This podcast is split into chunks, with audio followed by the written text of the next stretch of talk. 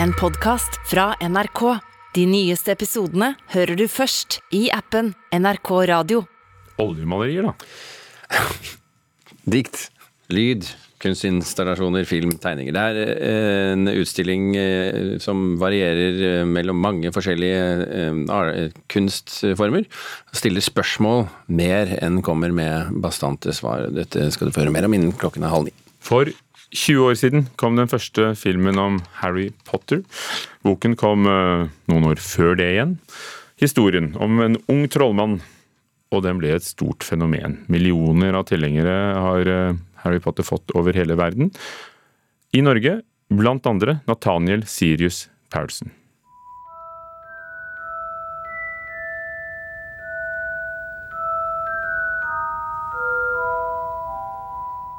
Harry Potter for meg er jo en trygg plass. Jeg er jo en transmann, og jeg hadde vel egentlig aldri kommet meg gjennom uten Harry Potter og miljøet og det rundt. Så for meg har det vært en redning. Historien om Harry Potter, trollmannen alle visste hvem var, og som alltid ble behandlet annerledes, har vært viktig for Nathaniel Sirius Paulsen. Som trans fra ei lita bygd så ble det veldig lagt merke til hvis du gikk utenfor din eh, kjønnsrolle. Jeg kjente meg veldig mye igjen i Harry, da. Så det har vel mer hjulpet med det å stå sterkt i hvem jeg er, da. Og faktisk tørre å sette ned foten og si at vet du hva, ja, jeg er kanskje født i en kvinnekropp, men jeg er faktisk en mann. For han ble Harry Potter en plass han kunne rømme i en tung hverdag. Men selv om han er en stor tilhenger av serien nå, har det ikke alltid vært sånn. Da første film kom for 20 år siden, hadde han ingen planer om å se den. Jeg husker jeg sa det til henne, jeg skal aldri se Harry Potter, og så dro mormora mi med meg på første filmen. Men når jeg kom ut, så var det gjort. Det var en glede av å se filmen som er veldig vanskelig å beskrive. You're a wizard, Harry. I'm a what? A wizard. And a thumping good one, I'd wager, once you trade up a little. No, you've made a mistake. I mean, I can't be a, a, a wizard. I mean, I'm just Harry. Just Harry. Paulsen er ikke alene om å være en stor fan. Harry Potter-universet er like populært nå som for 20 år siden, om ikke enda større, ifølge Mia Karlsen, bokansvarlig hos butikken Outland i Oslo. Så å si alle vet hva det er. Hva som helst kan bli sammenligna med det, men det blir aldri å nå opp. De som vokste opp med Harry Potter, har jo kanskje fått unger, og så har de videreført det, og så det bare fortsatt å gå og gå og gå. Det er en tidløs historie som er veldig bra.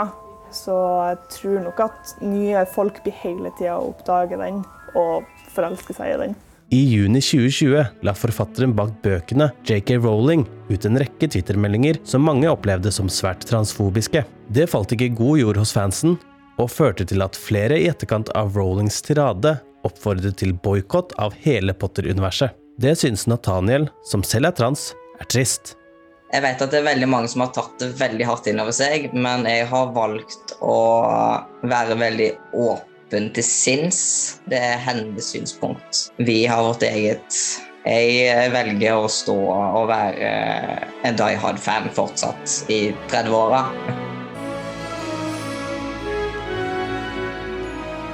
Nathaniel Sirius Paulsen intervjuet av vår reporter Jonathan Gåthaug Nilsen. Marte Hedenstad, filmkritiker her i NRK, god morgen. God morgen. Det er jo interessant å høre uh, Paulsen her. Uh, kan du forklare hva det er med disse filmene som gjør at det er mange som føler seg hjemme i dem? Mm. Det er jo det at uh, mye av tematikken i Harry Potter handler jo nettopp om det å være annerledes. Eh, Det handler om at alle er like mye verdt, eh, og at alle skal tas på alvor. Eh, Og det er jo en tematikk som kan gå hjem hos så utrolig mange. I livet så har sikkert de fleste kjent på utenforskap en eller annen gang, sånn at dette her er tematikk som rett og slett treffer folk i hjertet. Og derfor er det jo også en, en bokserie og en TV-serie som veldig mange har blitt veldig, veldig glad i. Filmserie, mener du vel? Filmserie. Ja. ja, fordi det er jo sju bøker, ikke sant? og så ble det til eh, åtte filmer. Og de kom jo ut med da eh, litt eh, jevnt og ujevnt mellomrom. Så det er jo nesten en hel generasjon som er vokst opp med disse filmene. Absolutt, det er jo det. Det var fire bøker som har kommet da den første filmen kom.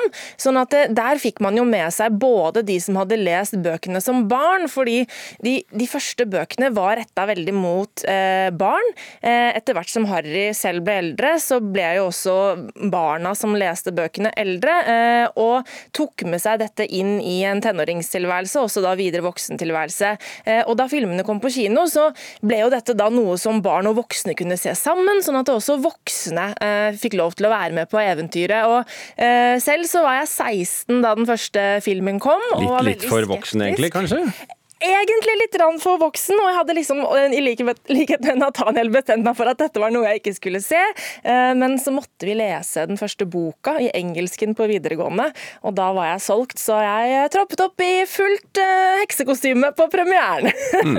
så har det jo fulgt eh, en del eh, konflikter i eh, kjølvannet på JK Rowling, forfatteren her. Eh, det ble jo nevnt her av eh, Nathaniel også. Um, Veldig omstridt bl.a. for sine uttalelser for t- transfolk. Hva har, hva har det betydd for folks oppslutning om, om boken, og kanskje særlig filmene?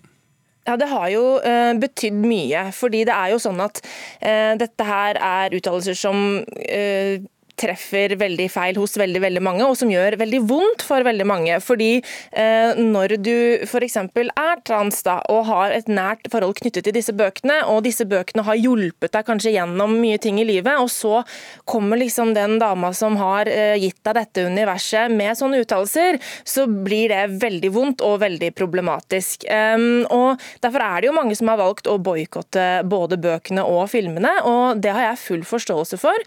Um, og selv så har jeg på en måte valgt å fortsatt eh, ha en glede av universet. Eh, og her er det jo en veldig sånn interessant debatt om kan man skille eh, kunsten og kunstneren, som er en vanskelig, men viktig debatt, og som egentlig kanskje ikke har noe konkret svar.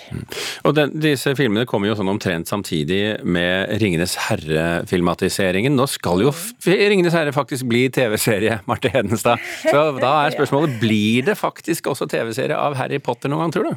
Eh, Det tror jeg nok kanskje at det blir. Det går rykter i diverse sånn bransjemagasiner i, USA og så videre om at noen har sikre kilder eh, innad i Warner Brothers eh, om at eh, det snakkes om hvordan man kan gjøre Harry Potter til en TV-serie. Eh, Men det er ingen konkrete planer der enda, men jeg tipper at det ikke er så fryktelig langt unna.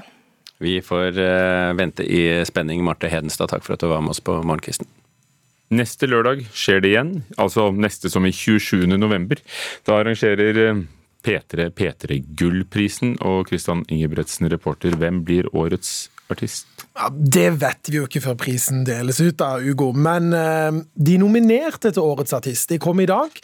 Og Istedenfor at jeg liksom bare sier det, det er jo sånn kjedelig, sånn at dere bare kan, fort kan fise videre til anmeldelsen av den kunstutstillingen i Stavanger som kommer etterpå, så tenkte jeg å la, la deg være med å gjette. Så jeg har da klippet sammen noen korte strekk fra kjente låter av de fem artistene som er nominert. Klarer du å gjette disse artistene?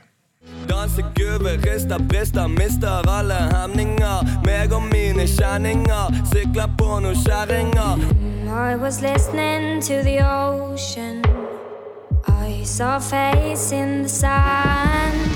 I get intrusive thoughts like cutting my hands off, like jumping in front of a bus, like how do I make the stop when it Paff, paff, paff. Passer meg for Bresil, alltid et øye åpent. Du kan kalle meg for fetti. Store hender, jeg holder hele kloden. Tar her i en mansion, snakker Sa du bare dansa på ros, De sa du aldri traff feil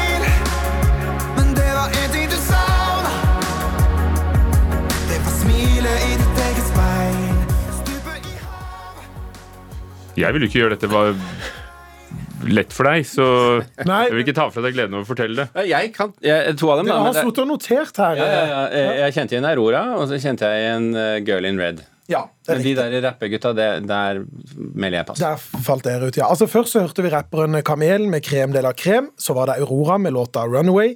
Etter det var det Girl in Red med sangen Serotonin.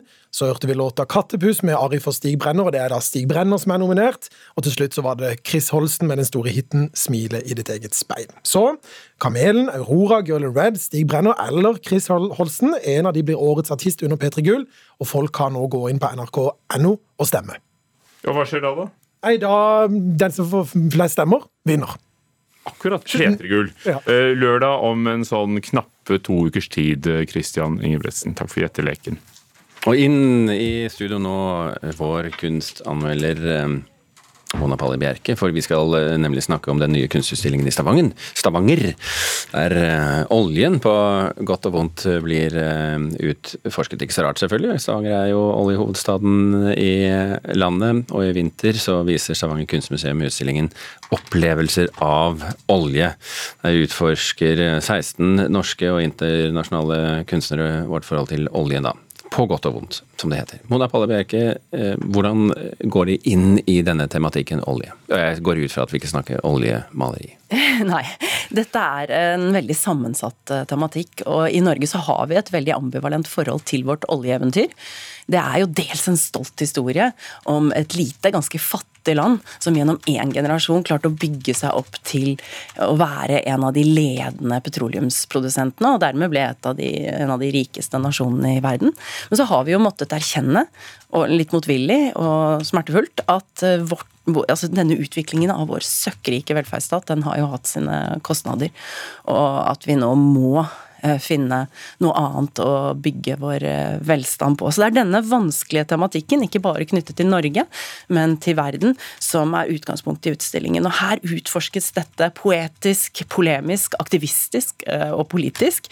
Øyvind Rimbreid har da skapt en helt nydelig liten diktsyklus som heter After Oil.